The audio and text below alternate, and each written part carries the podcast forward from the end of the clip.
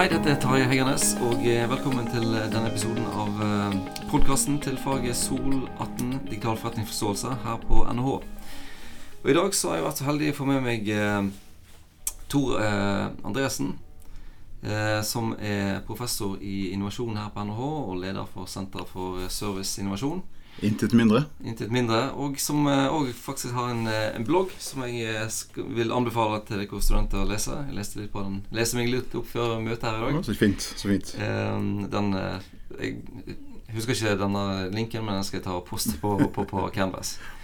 Så eh, det, som vi tenkte, det som vi tenkte vi skulle snakke litt om i dag, da, det er det her med plattformøkonomi og delingsøkonomi. Og jeg, eh, jeg har jo referert eh, ganske kraftig til denne her delingsøkonomiutvalget i, eh, i boken min. Så um, da tenkte jeg at du var den rette personen å snakke om, eh, om det. Så hvis du Litt sånn eh, grunnleggende begreps eh, først, og så kan vi kanskje diskutere hvem er det som bør sjekke om det er mulig Mm, å bevege seg mot en plattform, og Mm, mm. hvordan gjør vi det, og hvordan, Mm. hvordan bør du tenke hvis det Mm. Eh, hvis du skal finne ut om det er en, en lur idé. Ja, riktig. La, la meg begynne med eh, Først, veldig kjekt at du eh, vil snakke med meg. Ja. Det er hjertefullt der renner jo munnen over av.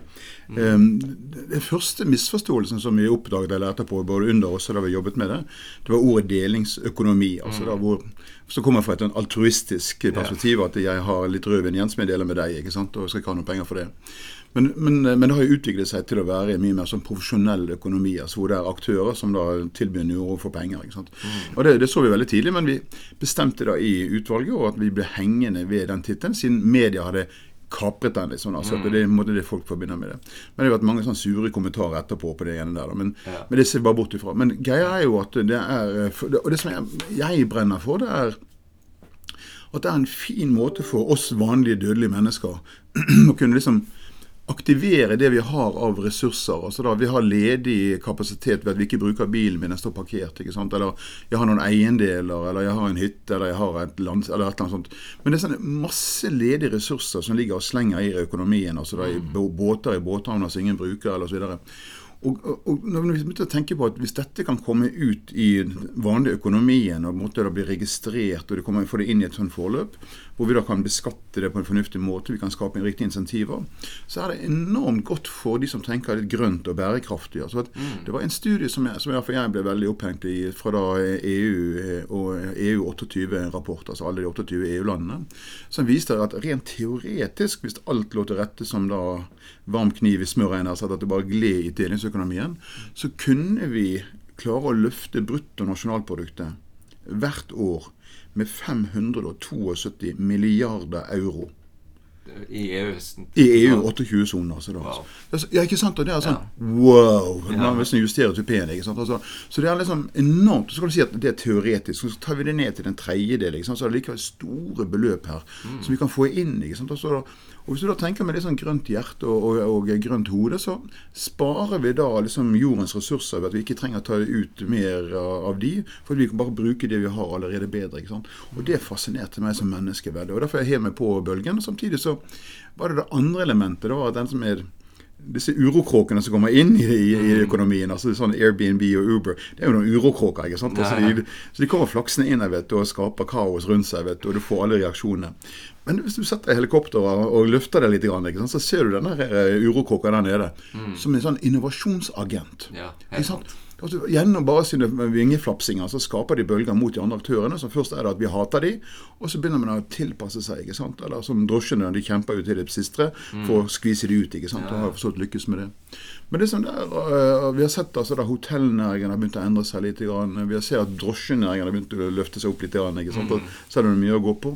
Så vi har sett disse endringene Så da begynner å, å, å komme opp. Det som er det store problemet som jeg sliter med det er jo beskatningen av disse store selskapene. Disse store plattformene. altså Hvordan skal vi løse det? Så, og det, I denne delingsutvalget så, så så vi ikke på det annet enn at dette er en sånn EU-anliggende. altså Vi kan ikke løse det i Norge, vi kan ikke løse det i Sverige. Vi må løse det da i EU-området, hvordan vi beskatter Airbnb eller Uber på denne måten. altså da. Sånn, så, og det fikk vi litt grep på. altså da. Mm. Ja, jeg så jo Det var jo Jeg tror det er i Austin eh, det ene året jeg var der, så bodde på Airbnb, men neste år så var ikke den leiligheten ledig lenger, for da hadde de begynt å skatte på Airbnb. Ja, riktig. Så det var mange som hadde trukket seg ut ifra, Ja, riktig, riktig, ifra den delingen. Ja, riktig. Det som er altså, Gjennomsnittstallene eh, Vi har ikke så mye tall i Norge, altså, men eh, gjennomsnittstallene synes å være at de som leier ut aktiver, altså kapital, biler og hytter og, og hus og leiligheter, de i gjennomsnitt løfter inntektene, husholdningsinntektene sine med ca. 340-50 dollar i måneden. Altså, Og det er sånn røftlig de tallene vi ser i Norge også, da. Så det er liksom, det er liksom litt rødvin på bordet. Ja. Men det er ikke det du kan overleve på. ikke sant? Men det, og jeg mener at for oss vanlige dødelige mennesker som går på jobb og sliter øh, blod i, pannen, så er det sånn vårt lille bidrag til at vi kan aktivere eller sette kapitalen vår i arbeid. ikke sant? Altså, Ja. Ellers er det de her 0,001-gjengen som stikker av med hele kaka. Ja. Mm. Spennende. Ja. Så um, um, dette her som eh, du nevnte med dette innovasjonsmaskin og, og, Mm. og, og plattformer. Hvordan eh, kan en vanlig bedrift tenke mer mot plattformøkonomi? Og er det noe sånn, er, er det noen spesielle typer ressurser som eh, best passer i plattformer? Ja. kan alle se på, på det her? Ja, et kjempespørsmål. Jeg kom akkurat fra Austin her for to dager siden, hvor jeg var presenterte et arbeid som går på dette med verdiskapning på disse plattformene. Så eh, Det var ikke noe empirisk studie, men vi hadde bare tenkt gjennom en gjeng da, som hadde bare tenkt gjennom på hva det som, som sitter her. Det er klart at Du produserer jo ikke biler på en plattform. altså si at Nei. Produksjonsøkonomien den vil jo være i den gamle altså, ø, organisasjonsmodellen. eh. Og, og Vi kaller den for sånn M-modellen, altså sånn multidivisional business model. altså det vil si du har et hovedkontor med enkelte sånne divisjoner under. ikke sant? Ja. Altså at Telenor har det hovedkontor, og så har de da Norge, og så er det resten av verden. Og Det er liksom en forretningsmodell som passet veldig godt for produksjon av biler osv. Det interessante er at vi har tatt den med oss oppi da i tjenesteøkonomien også. Men, men, eh, men Telenor, eksempel, som er et rent tjenestebasert, databasert selskap, IT-selskap, de kan med fordel begynne å smatte mer på den eh, karamellen som heter da plattform eller eh, modellen. Altså. Det er jo ikke noe annet enn at en, man går ut og skaper en plattform hvor kundene og andre eh, leverandører kan møtes direkte. Man, man går inn i mellommannrollen, Altså, kanskje det er den er nye, og kanskje det som lederne sliter litt med, at de bryter ut av da, en tankemodell som vi har hjernevasket de med her på Handelshøyskolen, på at alt skal skje under ett tak. ikke sant? Og du må eie alle ressursene dine. Det nye som jeg prøver å få frem, det er at man, man trenger ikke å eie alle ressursene. Du kan kjøpe det fra et marked altså ved å koble da liksom tilbydere og kjøpere på hverandre. Og Det er det som er det fine med plattformsøkonomien. at den, Ved å gjøre det slik at man går inn i en mellommannsrolle og Det kan være at det er en sportsforretning i Oslo eh, i tillegg til butikken sin, ikke sant? Altså der hvor de selger en del produkter inn der, kan da legge ut altså si, Hjemmesiden sin har da masse leverandører av ryggsekker eller sko eller ski, ikke sant? som de da kan matche de. man kunne si Kunder kan bare shoppe de etter gjennom denne plattformen. her. Altså da. Så, så det er ikke noe annet enn det som skjer. altså. Og, og, og gleden med dette er at transaksjonskostnaden, altså si kostnadene med å få disse til å møtes, mm. reduseres vesentlig. altså da. Og det, det, det er jo gleden, ikke sant. Ja. Og En sånn eh, studie som jeg gjorde sammen med noen, eh, noen masterstudenter her på huset, da, eh, viste også at ikke bare synker kostnadene, men det er også da at opplevelsen for kundene stiger vesentlig. også da. Så får du det beste av to verdener. ikke sant? Lavere kostnader, høyere glede. Så Det gjør jo da at man bør titte på det. Men, men, men det er ikke alle som bør gjøre det. altså derfor De bør bevege seg sakte og langsomt. Jeg bør gi et lite eksempel som jeg egentlig har stjålet av en annen kollega av meg. Hvis du og jeg vi er liksom nå, nå er vi håndverkere, vi, vi lager eh, toaletter. Ja. Porselentoaletter. ikke sant? Altså skikkelig så du kan sitte på. Um, eller urinaler. Og, og da er vi liksom i, i toalettbransjen. ikke sant? Altså Vi lager eh, toalettskåler. Um, og vi er eksperter på det sant? og har flott merkenavn. Vi selger mye penger.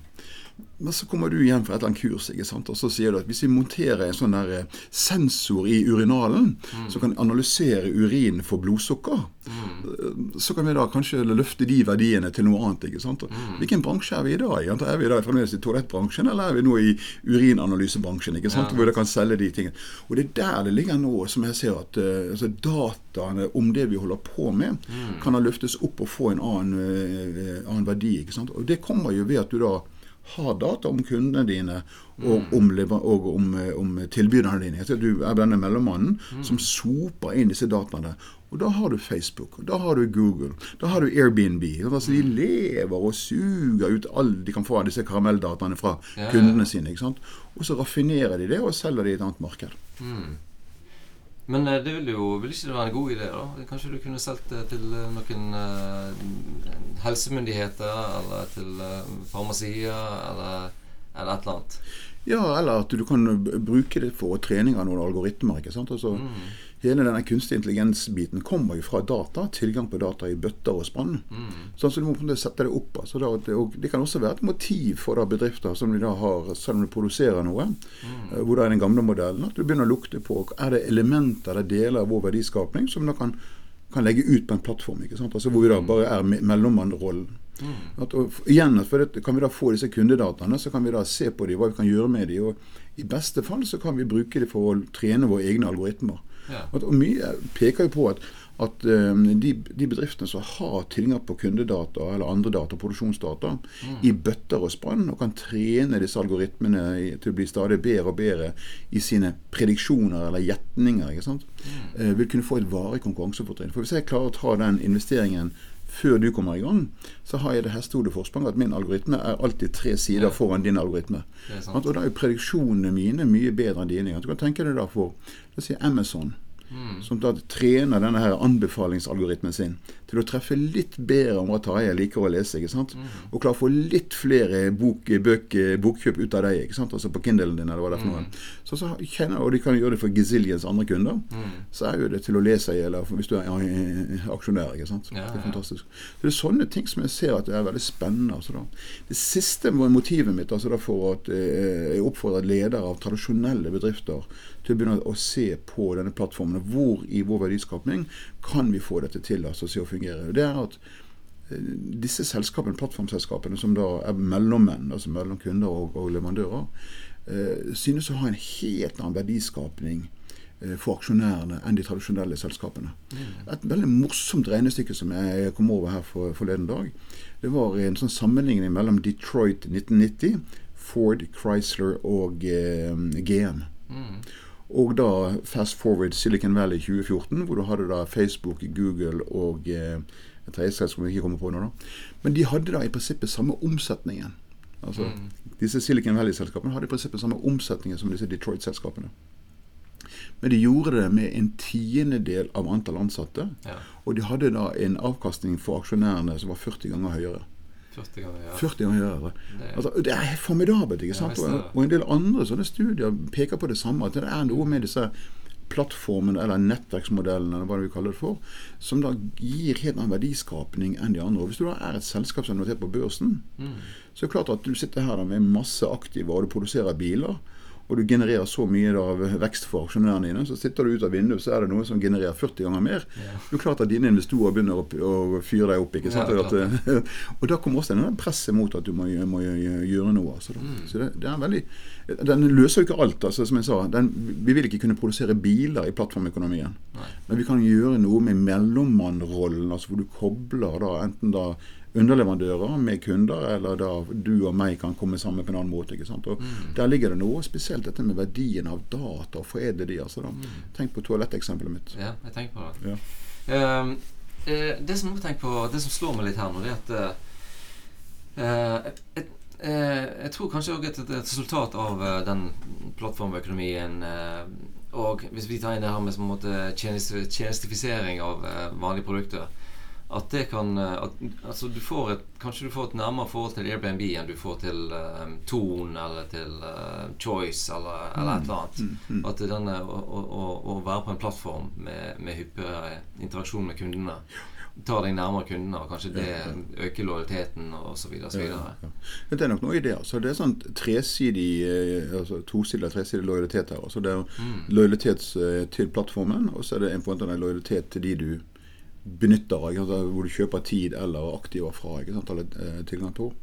Og da vet vi at eh, når, når mennesker møter mennesker, så er det oppstår en form for sånn eh, oppføre seg anstendig ikke sant? Som, som hovedregel. Og det er klart at Når jeg leier, eller låner leiligheten din i en Viken, så vil jeg jo ikke etterlate den som en, sånn, en halv utedo. Altså, det vil jo være litt sånn, altså, Ta vare på den. ikke sant? Altså, Ja. uh, og det ligger dette her benevolence med begrepet. Altså med å gjensidig gi tilbake. Ikke sant? Men Du har gitt av din ressurs til meg. Riktignok har fått noe penger av meg, ikke sant? men man, man deler, man er respektfulle. Men, men mest av alt så, så ser vi at uh, denne anbefalingsfunksjonen virker veldig stimulerende for nesten som et drivhus på tillitsbygging. Altså Nettopp fordi at jeg reiter deg og du reiter meg, så bygger du deg, og så limer vi oss hverandre til posten. til, til, til masten. Og Det er noe sånn klassisk som vi vet fra denne relasjonslitteraturen, at eh, hvis ikke jeg treffer deg, igjen, gjentar jeg, så kan jeg oppføre meg som en drittsekk nå. ikke sant, altså da, Men det er straks det er liksom, ja, sannsynlig at vi møtes igjen, Ja. og begge husker hva vi gjorde forrige gang, Ja, og det neste møtet er viktig for oss, så vil vi disiplinere oss nok til å være noenlunde anstendige ikke sant, og høflige mennesker. Det og det oppstår da nettopp eh, med denne plattformsøkonomien, som er mye mer fremdyrkende i den vanlige analoge eh, økonomien, kan du si. da. Og det gjør at vi da kan eh, altså, Vi stoler på hverandre på en større grad, for nettopp fordi risikoen er at vi får en dårlig rating. Ja. Og da er du et dårlig eple som du blir skvisa ut. ikke sant? Ja. Så det virker disiplinerende på begge parter. Mm, ja, det er jo det er interessant. Veldig bra. Hvis vi skal ø, oppsummere eh, det her nå Når du har lagt litt sånn grunnlaget, og det her med delingsøkonomien og Eller ikke, det, det navnet har du nå fått, og det betyr jo det samme uansett. Så eh, den her, å ta det steget der, så er det jo et moment det her med, med ressurs, å hente ressurser en annen plass enn en du pleier fra. Uh, og at dette er jo spillet på, på bærekraft og, og utnytte verdens ressurser bedre. Og så er det jo på en måte den her store datainnsamlingen som, eh, som er, er viktig. Og et veldig godt poeng det som du sier at eh, hvis det går an å, å, eh, å, tjene mer penger eller, eller drive bedre på, på de dataene der, så er det jo det en, en driver for innovasjon og bedre forretning. Og eh, det siste at vi kanskje kommer litt nærmere kunden i, mm. i sånne plattformer. Så eh, det, ble, det får bli Nå får jo disse studentene her en eh, eksamensoppgave. Så da får de ta, ha de tingene i, i bakhodet når de skal da eventuelt eh, eh, utrede om dette eh, det braket det da, en sånn organisasjon, om de skal bevege seg enda mer mot plattformen eh, Ja, ja. eh, enn de er. ja. Helt klart. Yes, Da takker jeg for tiden din, og eh, lykke til videre. Så Takk skal du ha. Jeg gleder meg til å snakke om det. i like måte. Takk skal du ha.